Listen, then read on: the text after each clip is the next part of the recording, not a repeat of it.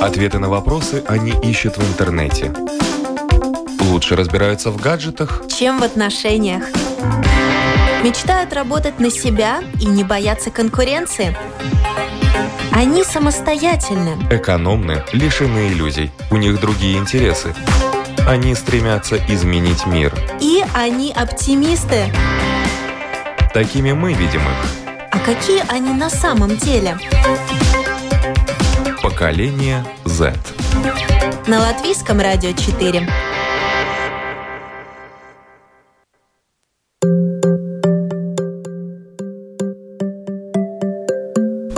Здравствуйте, уважаемые радиослушатели. У микрофона Марина Талапина. За операторским пультом Томс Шупейка, музыкальный редактор программы Кристина Золотаренко и в эфире программа «Поколение Z». Сегодня поступило предложение поговорить на очень щекотливую тему. Ссоры, конфликты. Многие считают, что это плохо и стремятся их избегать. Однако есть специалисты, которые уверены, что ссоры обладают обучающим э, таким э, обуча... обучающей ценностью. И если научиться конфликтовать правильно, это поможет избегать э, многих проблем в общении. Вот как ругаться правильно, как по-современному выходить из конфликтов. Сегодня мы будем говорить об этом, и я рада представить у нас сегодня в студии Анна Смыкова. Здравствуйте. София Гурина. Добрый день. Леонард Теснов. Здравствуйте. Михаил Олехов. Добрый день. И эксперт как же такая тема без эксперта? Гости из Санкт-Петербурга у нас сегодня в студии. Доцент, кандидат психологических наук, преподаватель Российского государственного педагогического университета имени Герцена Ирина Сергеевна Богачик. Здравствуйте.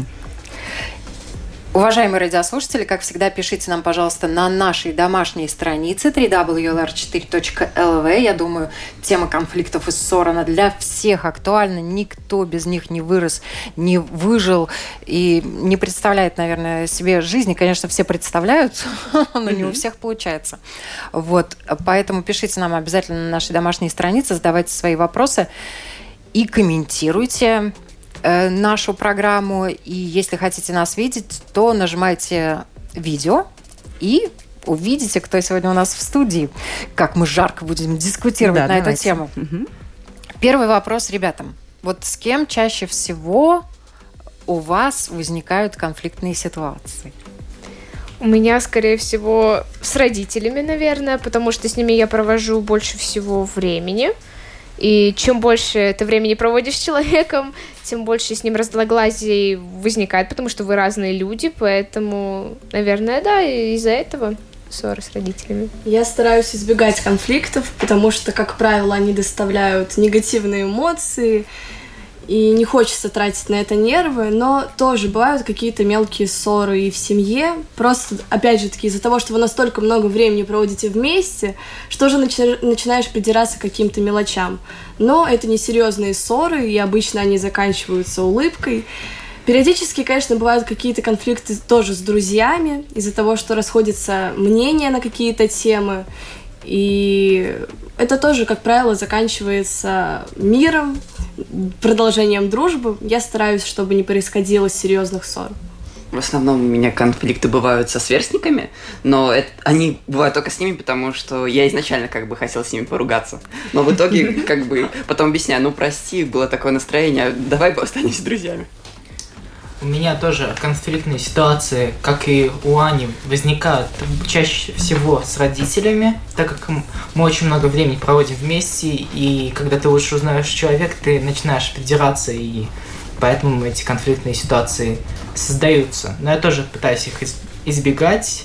И как и у Леонардо, тоже есть, зависит от настроения, что можно и поссориться с друзьями, но всегда это в большей части случаев заканчивается улыбкой или словами, но это в последний раз. Угу. Вот, а зачем людям ссориться? Ой, замечательный вопрос. А, а ссориться людям а, нужно для того, чтобы понять, что каждый из нас идентити, что мы разные, и что между нами есть а, то пространство, которое заполняется нашей индивидуальностью. И поначалу, смотрите, как встречаются люди. Они всегда хотят понравиться в большинстве случаев. Ну, вот Лео единственное сказал, я заранее хотел с ними поссориться. Но, может быть, чтобы выпендриться, быть каким-то особенным, не таким, как все. Но традиционно, да, когда мы знакомимся с каким-то человеком, мы хотим понравиться. И мы, а, надеваем на себя некую оболочку, да, вот как э, какую-то одежду. Точно так же мы и на партнера набрасываем свои проекции. Сейчас я объясню, что это такое. То есть мы набрасываем на него те качества, которые мы бы хотели в нем видеть. Да? И э, действительно следуем им и думаем, что наш партнер такой интересный или талантливый, ну, друг в данном случае, я все время говорю партнер, потому что, да, я про, более взрослые отношения, но в вашем случае тоже любовь никто не отменял, и дружбу, и так далее. Мы уже говорили, да, чем они отличаются, это два понятия. Итак, мы набрасываем проекции, и мы думаем, что он такой, такой, такой, такой, а потом возникает а, час X, когда одежки начинают спадать. И возникает то самое раздражение. Вдруг мы начинаем чувствовать, что наш друг нас прибешивает.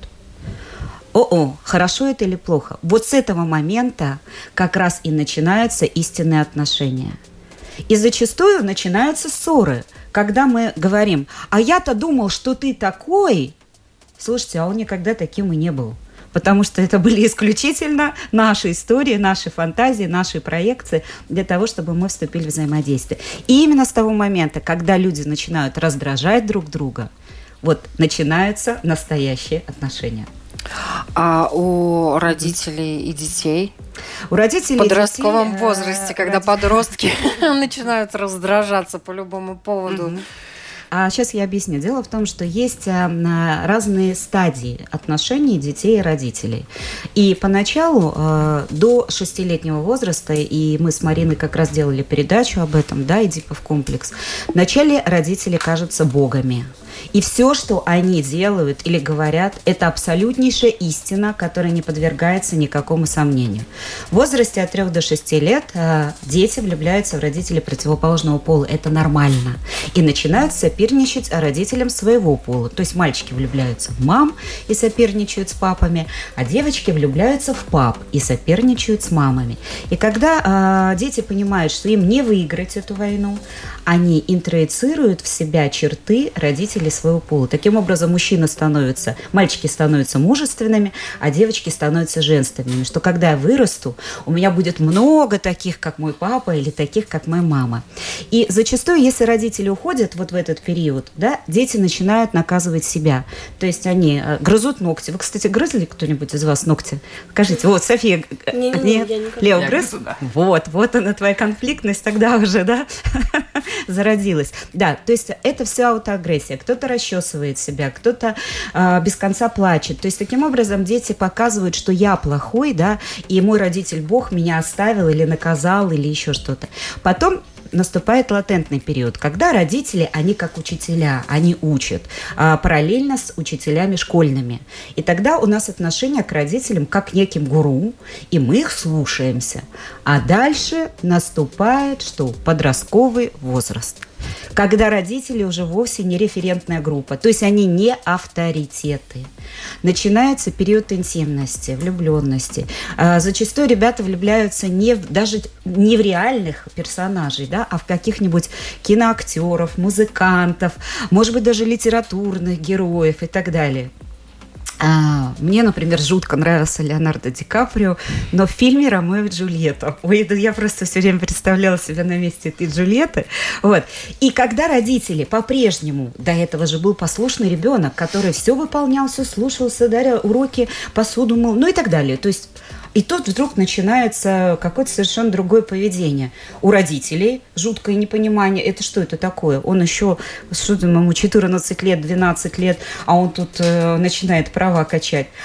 И не понимает, что все, их авторитет на какой-то период времени пропадает – и родители начинают отстаивать свою позицию, давить на подростков, а подростки, все, у них уже другой авторитет, другие персонажи для них важны. Они начинают отстаивать свою позицию. И вот они пошли первые конфликты. Вот. А дальше снова могут родители стать э, тем самым авторитетом, и многие говорят, что мой самый лучший друг – это моя мама или папа. Угу. Скажите, пожалуйста, почему у многих этот переходный возраст более сильно выражено, а у других менее. И хотя родители у первых и других достаточно часто очень хорошие, но все равно у каждого по-разному это э, стадия проходит. Ну, а, Миш, спасибо большое за вопрос. Дело в том, что все люди разные. Я уже вам много раз рассказывала, да, и у нас существует много психотипов людей, да, с разными базовыми эмоциями. И вот, например, э, тот человек, у которого психотип радость, да, э, гипертим, базовая эмоция радость, ну, он с радостью и будет относиться. Мам, ну что ты ругаешься? Ну, пап, да ладно, все кайфово, хорошо и так далее. А если это, например, человек, у которого базовая эмоция гнев, это, кстати, люди, из которых потом будут очень хорошие бизнесмены и бизнесвумены. То есть гнев, мне нужно преодолевать препятствия, мне нужно бороться с учителями, с родителями, с, я не знаю, там потом он будет бороться с недрами, добывать нефть, газ и так далее. И вот такому э, подростку, если начинать навязывать да, свои условия, здесь моментально что? Сила действия равна противодействию. Чем больше родители давят, тем больше сопротивляюсь. Чем больше родители давят, тем больше сопротивляюсь. А вообще их 8 психотипов, но уже по всем пробегаться не буду. А угу. Какие психотипы сильнее склонны к ругани? Вот, смотрите, а, психотип радикальный или параноидальный, вот, то есть то, где базовая эмоция гнев. А, склонны к конфликтам и плептоидный психотип, это у которого базовая эмоция отвращения. Там как раз напрямую я гневаться не буду, орать не буду, но что бы мне родители не делали, я принципиально буду делать наоборот. А, безусловно, а, склонны а, к конфликту истероидные психотипы, то есть это где базовая эмоция игра. Но здесь можно иметь игру в две стороны. То есть я могу подыгрывать родителям и говорить, окей, все хорошо, все замечательно, да, а потом выходить э, на улицу и говорить, это не я. Вот, ну как же я, да. Но опять потом возвращаться, потому что базовая эмоция игра, могу подыгрывать. Но, безусловно, если их не, оц- не оценивают, да, вот он театр одного актера, такие подростки, они хотят выделиться, вот э, самый период, да, когда зеленые фиолетовые волосы, я не знаю, ошейники на э, шее там, и вдруг э, мама говорит, что это такое, ты хорошая девочка с традициями, посмотри на себя, как ты нарядилась. И, конечно же, здесь жуткое сопротивление. Все, я ухожу из дома, все. Это вот показательные суициды, таблетки и тому подобное. Никогда ни один истероид себя не прикончит. Это вот нужно родителям очень хорошо изучать психологию и знать. Это все исключительно показательные дела. Существует ли нездоровая ругань? А, существует, если она регулярна и если проблема не решается. Вот здесь а, нужно помнить очень хорошо, что любую проблему нужно проговаривать. И как проговаривать, я сегодня вас немножко научу, да, потому что а, очень часто у ребят э, ну, возникает, а, либо сопротивление, то есть я не хочу ничего объяснять и рассказывать, они взрослые, пусть они догадаются, в конце концов они взрослые, да, вот пусть э, это их привилегия догадываться. Вот, но еще раз повторяю, мы не можем читать мысли других людей, а ребята, например, боятся некоторые, потому что, ну, иногда бывают авторитарные родители, даже достаточно жесткие, и, или наоборот, такие, знаете, которым все равно. Им сколько там не рассказывают про свои проблемы. Ну, да, все хорошо, ты справишься, все нормально, да. И э, тогда очень часто у ребят, например, возникает что? У них начинает болеть горло. Вот у вас у кого-нибудь болит горло? Сейчас, да. Если у вас болит горло, я вас уверяю, это вовсе не от того, что вы переели мороженого, вот, или, э, я не знаю, там слишком громко кричали на дискотеке. Это от того, что, возможно, вы не смогли э, высказать какую-то свою позицию. Вот у меня очень часто в детстве болело горло, потому что мама у меня достаточно жесткая была, и поэтому мне было проще уйти в болезнь и э, бесконечно сидеть на кровати дома с перевязанным горлом и читать книжки по психологии. Вот таким образом я вот свою так профессию вот, получила. Вот, да. Докторами психологии становятся. А я хотела спросить вот такой вопрос. Вот э, ребята, когда отвечали про ситуации, mm-hmm. с кем у них чаще всего складываются конфликтные ссоры, вот я поняла, что люди делятся на тех, э, кто затевает конфликты и кто в них втягивается. Uh-huh, uh-huh. Ну, наверняка, наверное, человек не может прожить вообще без конфликтов. Или Конечно. есть такие? Нет, таких не бывает. Это просто кто-то все время в этом состоянии. И для многих людей конфликт что? Это эмоция. Если есть эмоция, значит у нас есть отношения. Если у нас отношения, значит, а что? Ты меня любишь, и я тебе нужен. А если все спокойно, все гладко, тихо, ровно. Вот, например, здесь э, принципиально это касается любви. Смотрите, любовь – это сердечный ритм. Вспомните, как он выглядит на кардиограмме. Ты-дын. Вот. А счастье – это вот статика. Вспомните, как выглядит статика. М, Да. Где там сердце не бьется. То есть разные совершенно понятия. И есть люди, которым очень важно счастье, да, то есть уверенность в завтрашнем дне. Это такие психотипы, как тревожно-мнительные или эмотивные. У них все должно быть хорошо, все должно быть спокойно, все рассчитано, просчитано, да, то есть никаких сюрпризов, не дай бог. Вот. А кому-то нужны бесконечные эмоции, вот этим истероидам, э, шизоидам, э, ну, гипергипотимам, там вообще базовая эмоция э, грусть, радость, там бесконечные качели. То я рыдаю, то у меня счастье, то я рыдаю, то у меня счастье и так далее. И только когда мой партнер показывает мне такую же эмоцию, а, я верю в то, что А, он меня любит, Б, а, я ему нужен, и у нас что-то может быть. А когда ровно гладко, многие специально провоцируют эти конфликты. Расскажу, например, ребята, вот вам сейчас очень важную историю. А, Когда у мальчиков бывают авторитарные жесткие мамы, по-моему, даже уже рассказывала об этом, но повторюсь. Вот то а, мальчик до конца не может противостоять этой маме. А потому что она мама, женщина, а, она взрослая и так далее. И он думает, вот я вырасту, и я найду себе девочку, противоположность моей маме. Она будет тихая, скромная, добрая, будет меня ласкать, будет нежная, любить. И да, он находит такую девочку, он э, женится на ней. Вот ровно полгода я даю этим отношениям, и они будут спокойны. Через полгода мальчик начнет сознательно провоцировать конфликты, потому что он в них будет отыгрывать свои истории с мамой. Поэтому, милые женщины, если у вас мальчики помните о том, что они мальчики с самого рождения, они мужчины, и им нужно давать слово и отстаивать свою позицию. И они сами должны выбирать и определять для себя эм, какие-то да, м, хобби, какие-то занятия, а не навязанную волю. Да, я тоже уже рассказывала, мальчик хотел играть на дудочке, а мама его в спорт. Давай, давай, ты будешь сильным мужчиной. Уже сознательно я сейчас понимаю, что он будет устраивать конфликты своей э, девушке, потому что он у них будет доказывать себе, да, своей маме, вот так символично, что я все-таки мужчина и чего-то стою. Мгм. Скажите, пожалуйста, может быть, вопрос покажется очень стандартным, но кто больше конфликты втягивается, мужчина или женщина? Ой, прекрасный вопрос, Миш, прям вот э, замечательный. Итак, смотрите. э, 80% вообще всего общения в реальности, оно без слов. И а, слова как раз нужны не мужчинам и не мальчикам. Слова нужны девочкам, ну и женщинам. Почему? Потому что у женщин, ну так априори по природе, у них а, гораздо больше связей между левым и правым полушарием. И поэтому, если женщины что-то видят, им тут же нужно обсудить. Помним, да, что одно полушарие у нас образное, а другое словесное. У мальчиков же совершенно не обязательно что-то обсуждать. Им достаточно жестов, мимики, поглаживания. И а, кто-то, допустим, а, требуется ему, чтобы поговорить. И вот какая-то девушка, например, парень ей говорит, я придумал нам классную историю, мы с тобой едем в воскресенье в Сигулду.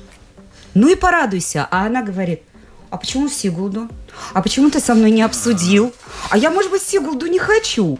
А я вот хотела, это что? Значит, мое мнение ничего не стоит? Значит, ты вообще вот э, не хочешь выслушать, да, что хочу я? Все, и вот она понеслась история. Или, например, вот на Маринин вопрос я сейчас продолжу отвечать. Очень часто в, трю- э, в- в конфликте принимают участие не двое, а трое. Так называемый треугольник. Это такой треугольник Карпмана Берна. И в этом треугольнике есть три роли. Жертва, преследователь и спасатель. И вот я приведу вам пример, как вам не нужно втягиваться вот в такие треугольники. Например, э, как зовут еще раз? Аня. Анечка.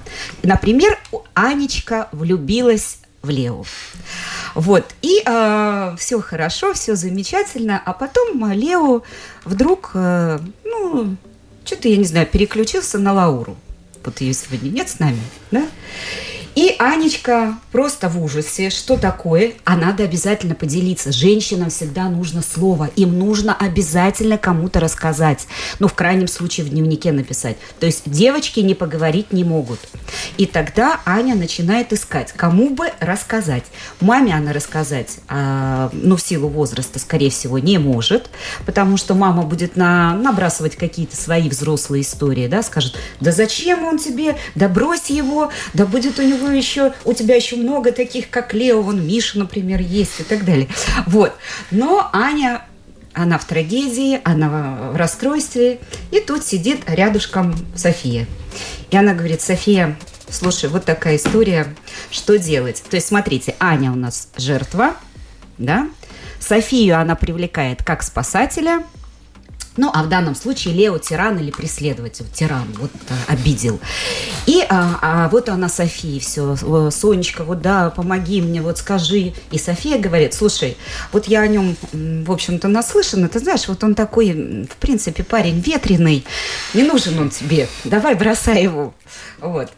Аня плачет и уже практически решила, что все, история с Лео закончилась. И вдруг они вечером встречаются, например, в каком-нибудь клубе.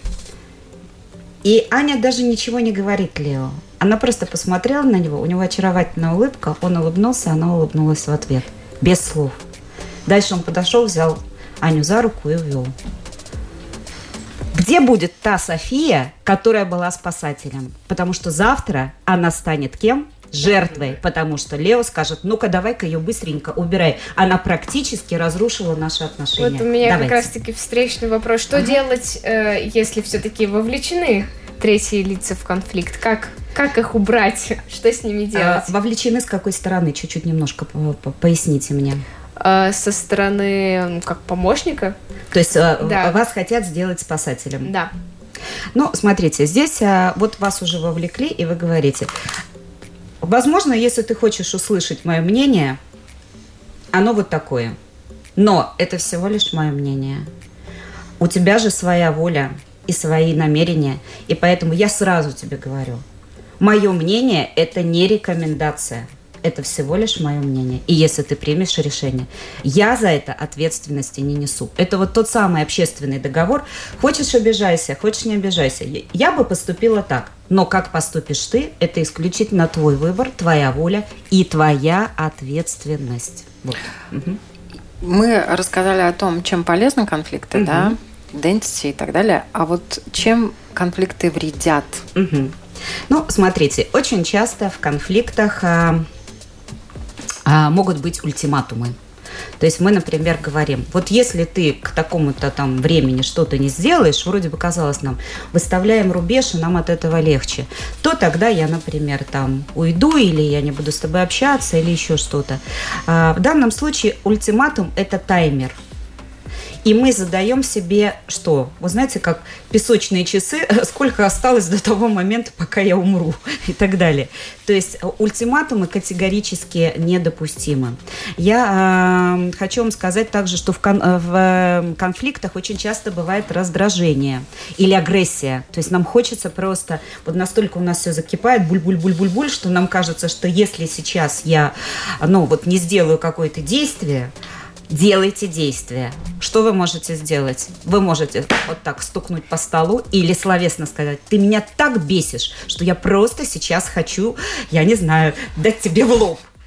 И это уже 30% снятия агрессивности. А если же люди остав, оставляют в себе это и думают, нет, э, это ниже моего достоинства, я не буду показывать, да, что я раздражен, что у меня агрессия, что я хочу сейчас, да, совершить что-то. Эта агрессия начинает работать против нас. То есть это как отрицательная энергия, как яд – который в нас накапливается, и потом мы получаем соматику. Ну, собственно, то самое горло, когда мы не можем сказать родителям, и оно начинает у нас болеть. Можно вопрос по поводу ультиматума? Вот поставить Конечно. ультиматум, как обойтись без него? А, как выйти как из этой анти, ситуации? Как выдвинуть антиультиматум? Окей, с какой стороны? Ну ладно, я тиран. Вы тиран, вы поставили ультиматум. И как, например, э, вашему другу выйти из этих отношений? То есть не поддаться на ваш ультиматум? Да. Да? И при этом Да. сохранить, наверное, отношения, да? Ну да, Что что тоже немаловажно, да? Да. Вот смотрите, ультиматум – это уже катастрофическая глобальная единица. Вот в данном случае этот ультиматум нужно распилить на части и каждую отдельную часть переварить. Вот это вот самый такой, э, может быть, вот сейчас фи- философский покажется совет. Ну, например, глобально все, я от тебя ухожу. Ну, давай разберемся. Хорошо, ты уходишь, э, да, и мы остаемся друг без друга. А что дальше? Ты будешь страдать, и я буду страдать. Потому что и дальше вот подетально обсуждаем. Дело в том, что а, на самом деле мы все преследуем одну и ту же цель. Какую? Счастливым. улучшить, улучшить ситуацию, да. Сделать наши отношения гармоничным. И здесь а, я потом а, под конец вам расскажу, что с одной стороны нужно и что с другой стороны. А э, если есть возможность предотвратить конфликт, стоит ли это делать или все-таки надо разобраться во всем? А, Ссориться иногда полезно. Ссориться иногда полезно, потому что действительно нам нужно вот сделать вот этот э, выплеск отрицательной энергии. А Мгм. когда как понять, когда надо ссориться, а когда лучше придержать свой пыл? А, ну, смотрите, э, мы можем ссориться по мелочам. Вот, например, там, я не знаю, ты что-то забыл или я что-то не сделала, но не глобально, когда мы начинаем обвинять э, человека по каким-то психологическим или физиологическим да, историям. То есть, ну, например, а, девушка парню говорит, я не могу на тебя надеяться, потому что ты вообще вот, э, ну, ну, то есть э, на тебя вообще невозможно надеяться, ты инфантильный. Вот это глобальная история, вот, вот такие конфликты недопустимы, потому что у него закладывается эта история. Или, э, например, Лео, э, расставаясь с девушкой, он скажет, извини, пожалуйста, но ты мне сексуально не привлекательна. Все, это бабах, это, э, это ну, такой якорь на всю жизнь. Вот в таких случаях мы не конфликтуем, и мы помним всегда и о себе, и о партнере. А, потому что очень многие считают, что в ссорах что нужно войнушку выиграть да? А я очень люблю фразу «в ссоре лучше, лучше быть добрым, чем правым». И поэтому самообладание иногда решает больше даже, чем любовь. Вот Мгм. самообладание, наверное, это одно из таких качеств, которые надо в себе Мгм. воспитывать, если природа не дала. А можно ли вот вообще научиться избегать конфликтов, вообще чувствовать ситуацию до такой степени, что когда конфликт надвигается, предотвращать его. Потому что в нашем обществе все чаще и чаще я слышу, что там поссорился, этот поссорился, те поругались. И, ну, все больше и больше конфликтных ситуаций, которые не разрешаются или разрешаются. Но люди все время через какие-то цепочки конфликтов проходят. Мгм. Ну, а, смотрите, сейчас я вас а, научу, как, в принципе, не допускать конфликтов, а рассказывать про свое раздражение или, э, ну, вот что вам что-то не нравится. Итак, э, вот эта фраза, она должна состоять из трех частей. Первая фраза, первая часть, трех частей, еще раз повторяю, первая часть. Я чувствую, например, там, что я закипаю, я чувствую раздражение, я чувствую, что я хочу сейчас, я не знаю, тебя стукнуть. То есть, что я чувствую? Дальше. Потому что ты и конкретно объясняете, что делает сейчас человек вот в данную секунду времени. Я приведу примеры, да? Что ты. И обязательно третья часть фразы «потому что». Иначе, если ты скажешь «я чувствую раздражение, потому что ты смотришь телевизор», дальше а, человек начнет додумывать, а что, почему ты чувствуешь раздражение, что тебя бесит, что я смотрю телевизор, или а, ты там пытаешься, в- как сейчас современная да, молодежь говорит, вторгнуться в мои границы, да, это моя там потребность. И когда ты объясняешь, почему, да, из-за чего это возникает у тебя чувство, становится все понятно. Вот смотрите, как мы говорим. Я чувствую сейчас жуткое раздражение от того, что ты смотришь телевизор и не отвечаешь на мой вопрос. Потому что я думаю, что ты забудешь и не сделаешь, ну, какую-то важную вещь. Все, вот мы расчленили, и в таком случае ультиматумы уже не нужны. Вот она конкретная ситуация. А, это вот если прям хотите что-то донести. А если что-то вас беспокоит, но вот уже вот в такой жесткой форме а, можно все-таки не разговаривать, а избежать, а, запомните две вещи. В ссоре никогда не используем Я и ты. Вот сейчас я вам привела пример, где это используется. Но это когда уже вот совсем, что называется, накипело. Вот вместо того, чтобы ругаться, вот такую вот эту трехчленку дайте. Вот. А лучше э, вообще не использовать ни я и не ты. Вот, например, там парень обещал вот свозить Сигулду. Неделю не везет, вторую не везет, третью не везет. И так хочется ему сказать, Лео, слушай, ну ты обещал, да? А я вот жду. это, а я жду. Вот это ты же обещал, вот это забудьте на всю жизнь. Потому что у человека возникает три проекции. А, либо что-то у меня с памятью, либо я какой-то безответственный, либо мне вообще не доверяют и так далее. На Поэтому... самом деле он же безответственно раз обещал и не свозил. Так вот, а, здесь для того, чтобы снять, а, с него некий груз, и, в общем-то, не войти в тот самый конфликт, мы говорим, Лео, слушай, у нас получится съездить в Сеул до воскресенья? У нас получится. Видите, нет ни я, ни ты. Он уже не чувствует, что он виноват. Да, мы ему напоминаем, но вот так косвенно. А у нас получится? А Лео нас. говорит, не получится, и... Не получится. Хорошо, скажи, а когда получится? Ну, давай тогда не в Сигулду, а давай вот, э, я не знаю, в Юрмалу ближе. То есть предлагайте всегда альтернативные варианты. Не ждите, чтобы обязательно эти варианты предлагал ваш э, друг или подруга. А, потому что, или вот, например, когда скучно, неинтересно очень часто, да, молодые э, ребята говорят, мне скучно. Слушай, ну придумывай сам. Не надо ждать вот э, за э, инициативы, потому что сейчас инициатива не за кем, не за мальчиками, не за девочками. Это раньше все время девочки сидели и ждали, когда мужчина там проявит, мальчик в данном случае, инициативу. Сейчас это не важно. Предлагай сам, и дальше уже, когда вам обоим это интересно, совершенно не важно, кто это предложил, потому что вам обоим это интересно.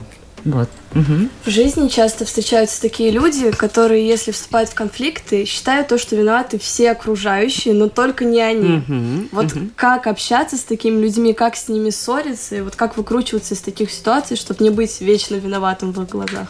Ну вот смотрите, я приведу вам а, такое м, маленькое задание из а, а, психологического теста Розенцвейга. Там нарисованы всевозможные картинки. И знаете, вот изо рта а, героев такие облачка, в которые нужно вписать, как бы вы сказали за этих героев. И вот, например, одна картинка. Мимо проезжает автомобиль и обливает а, пешехода грязью.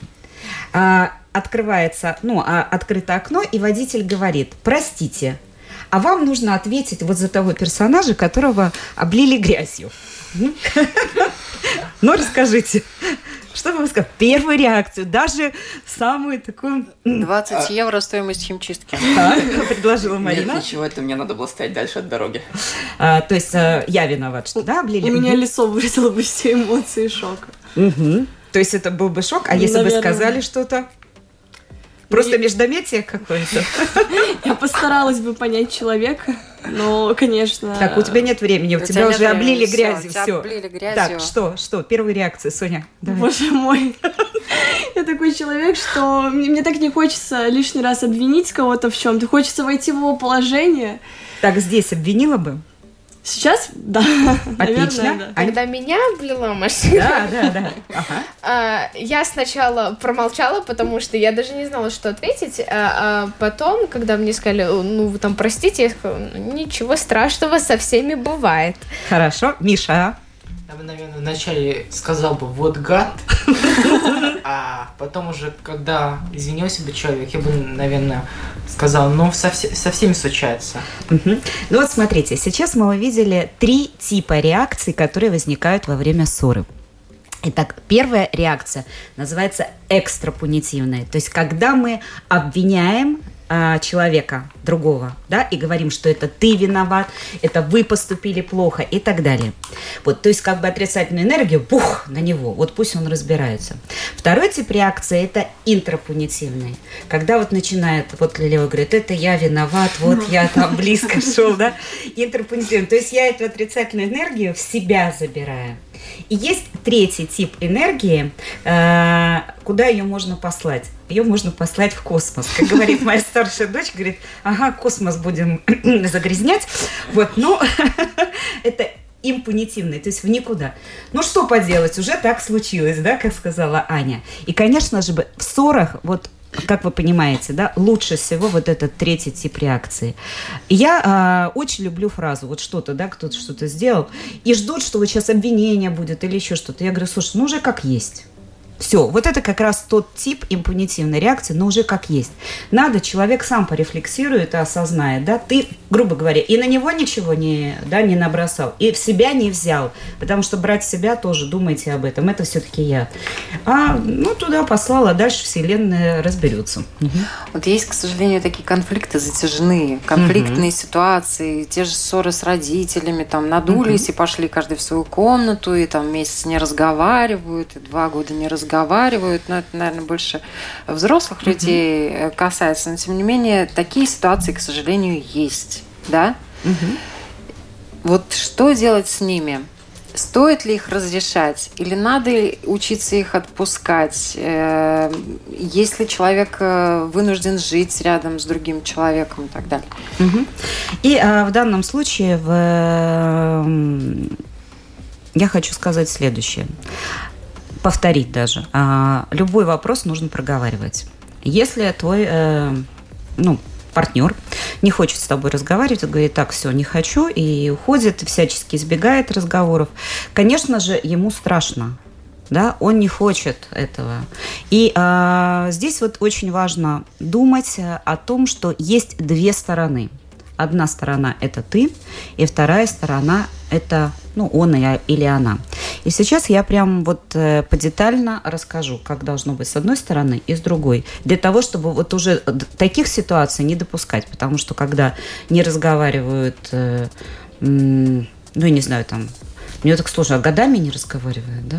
Не, ну есть Бывает. люди, которые вот там поссорились много лет назад, да, а, вы имеете в виду какие-то там... Родные, близкие, да. А, родные, 40... ну, все, все, я поняла, все. Да. да. Ну, давайте детально. Давайте начнем с того, кто все-таки в твоем а, ближнем круге. То есть человек, до которого ты можешь э, достучаться. Итак, прежде всего, мы должны понять, какая дистанция. Дистанция больше двух метров недопустима. То есть, поэтому разговоры вот по нашим самым гаджетам, ссоры по гаджетам, они а, просто смертоубийственные.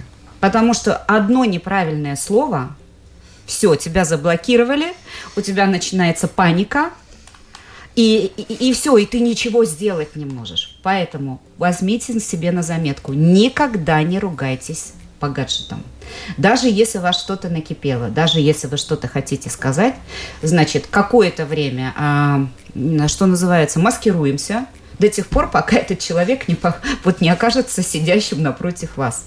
Вот здесь вы можете уже начинать говорить то, что действительно вас волнует, мучает потому что вы хотя бы будете видеть реакцию. Даже если он, Лео, скочит и побежит, я имею возможность побежать за ним и сказать «прости», да, и держать его за руки и так далее. Потому что по гаджету это сделать невозможно. И я думаю, что у вас а. были такие ситуации, когда э, человек просто уходил в аут, и вот ты оказывался в подвешенном состоянии, и ты не понимаешь, что дальше. Вот этот гештальт не закрыт. Это настолько энергозатратно, изматывающе и так далее. Поэтому появился человек в вашем ближнем круге, начинайте с ним разговаривать. И тут вот я буду сейчас э, говорить прям конкретные вещи. Итак, прежде всего, ты должен знать свои слабые места у каждого человека есть свои слабые места. А это тоже все зависит от психотипа. Ну, например, вот истроидному психотипу, если скажут, мне с тобой скучно и неинтересно, вот это зацепит. Того самого, например, вот э, радикального, его зацепит, если ему скажут, что он не лучше всех. А я-то думал, что ты какой-то необыкновенный, а ты оказался, ну, ага, в общем, такой же вот ничего выдающегося, контролеру, да, вот эпилептоиду, если ему скажут, я думал, что ты все просчитал, ты знаешь, как лучше, зря на тебя понадеялся, все, вот этим можно убить и так далее. Вот. А кого-то эм, низкой самооценкой, э, с низкой самооценкой можно задеть тем, что, ну, ничего в тебе, да, такого выдающегося, такой обычненький, как все и так далее. Вот, поэтому у каждого свои слабые места. Когда а, ты знаешь свои слабые места, ты понимаешь, на что ты сейчас отреагируешь. У кого-то сексуальность, у кого-то ум, у кого-то эрудиция и так далее. А чаще всего в 40 что? твой партнер уже плюс-минус немножко изучил тебя, и он начинает бить в самое больное, потому что ему важно выиграть войнушку. И вот э, здесь э, хотя бы со своей стороны помните о том, что главное не выиграть войну, а главное получить хотя бы какой-то худой мир, а дальше понемножку, понемножку а, его улучшать. И а, дальше, когда вы смотрите, а, не надо вот думать и вот быть охваченным мыслью, что прав только я. То есть есть еще и партнер. И а, он точно так же считает. И что? Ты говоришь, я прав, он говорит, я прав, и начинается вот это вот лобовое столкновение, да?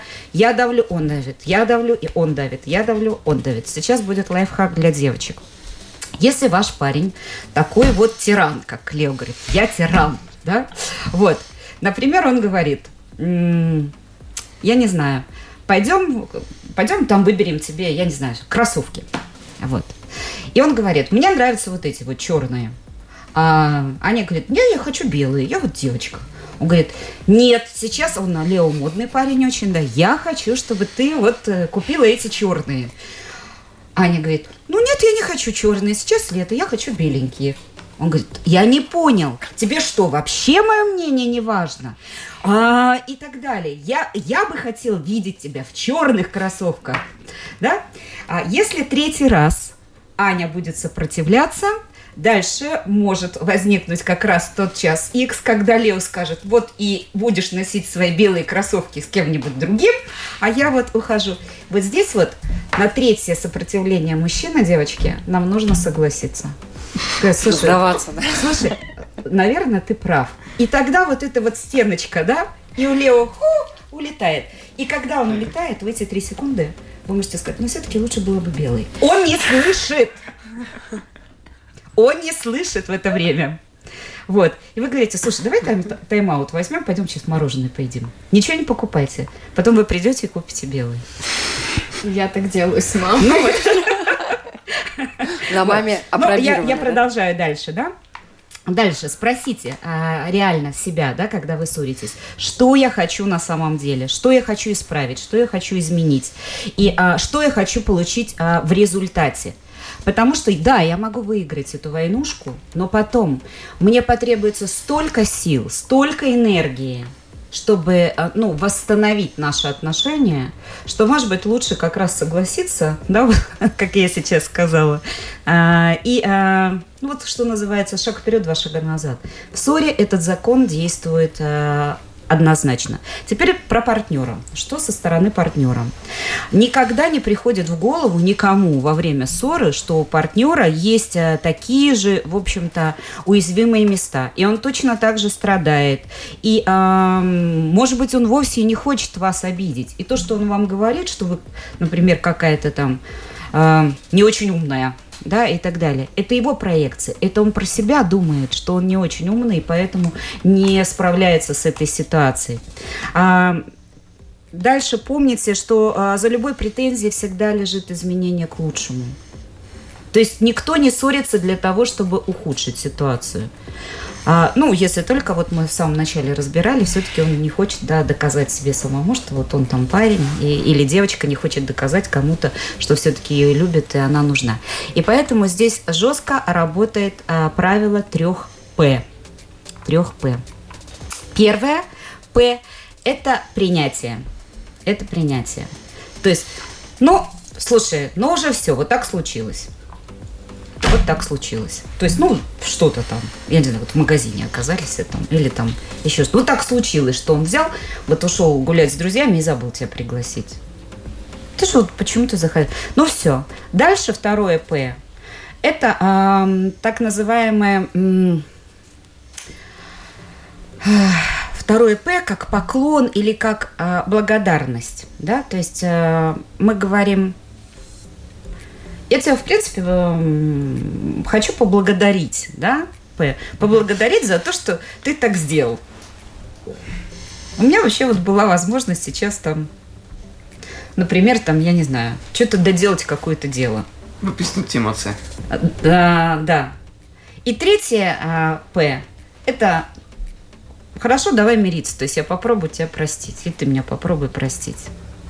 Итак, принятие, поблагодарить.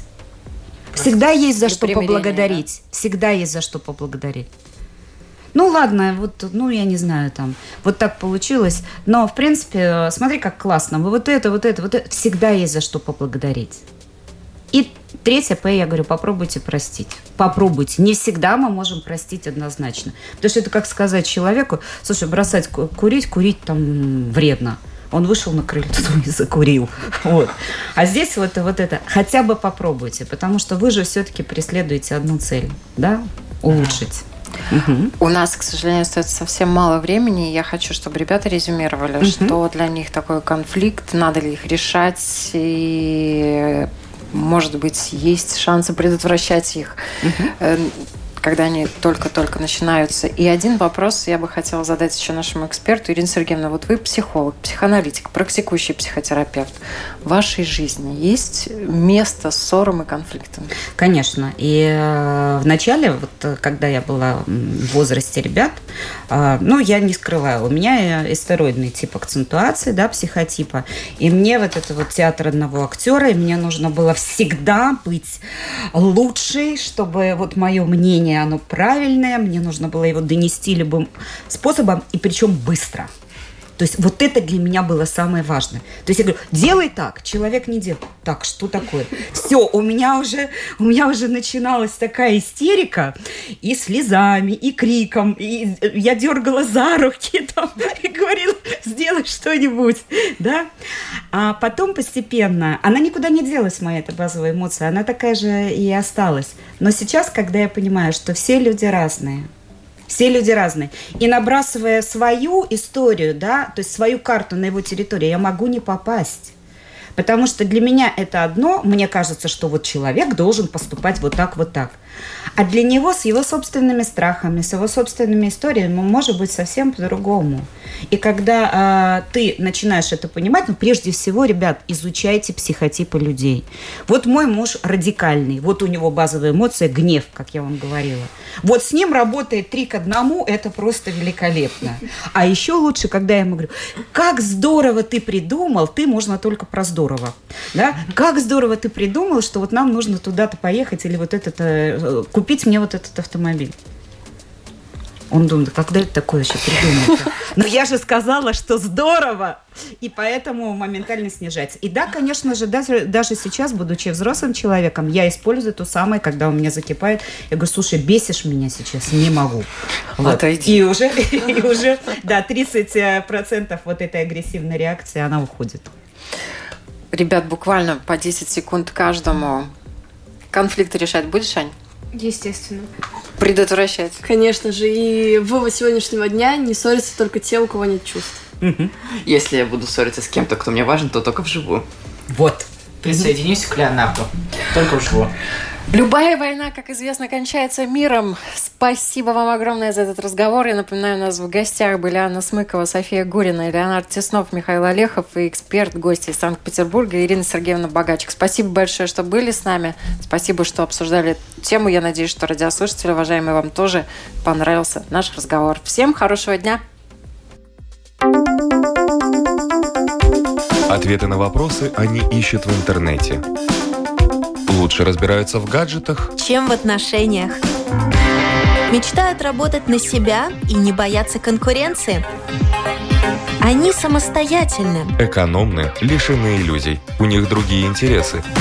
Они стремятся изменить мир. И они оптимисты. Такими мы видим их. А какие они на самом деле? Поколение Z. На Латвийском радио 4.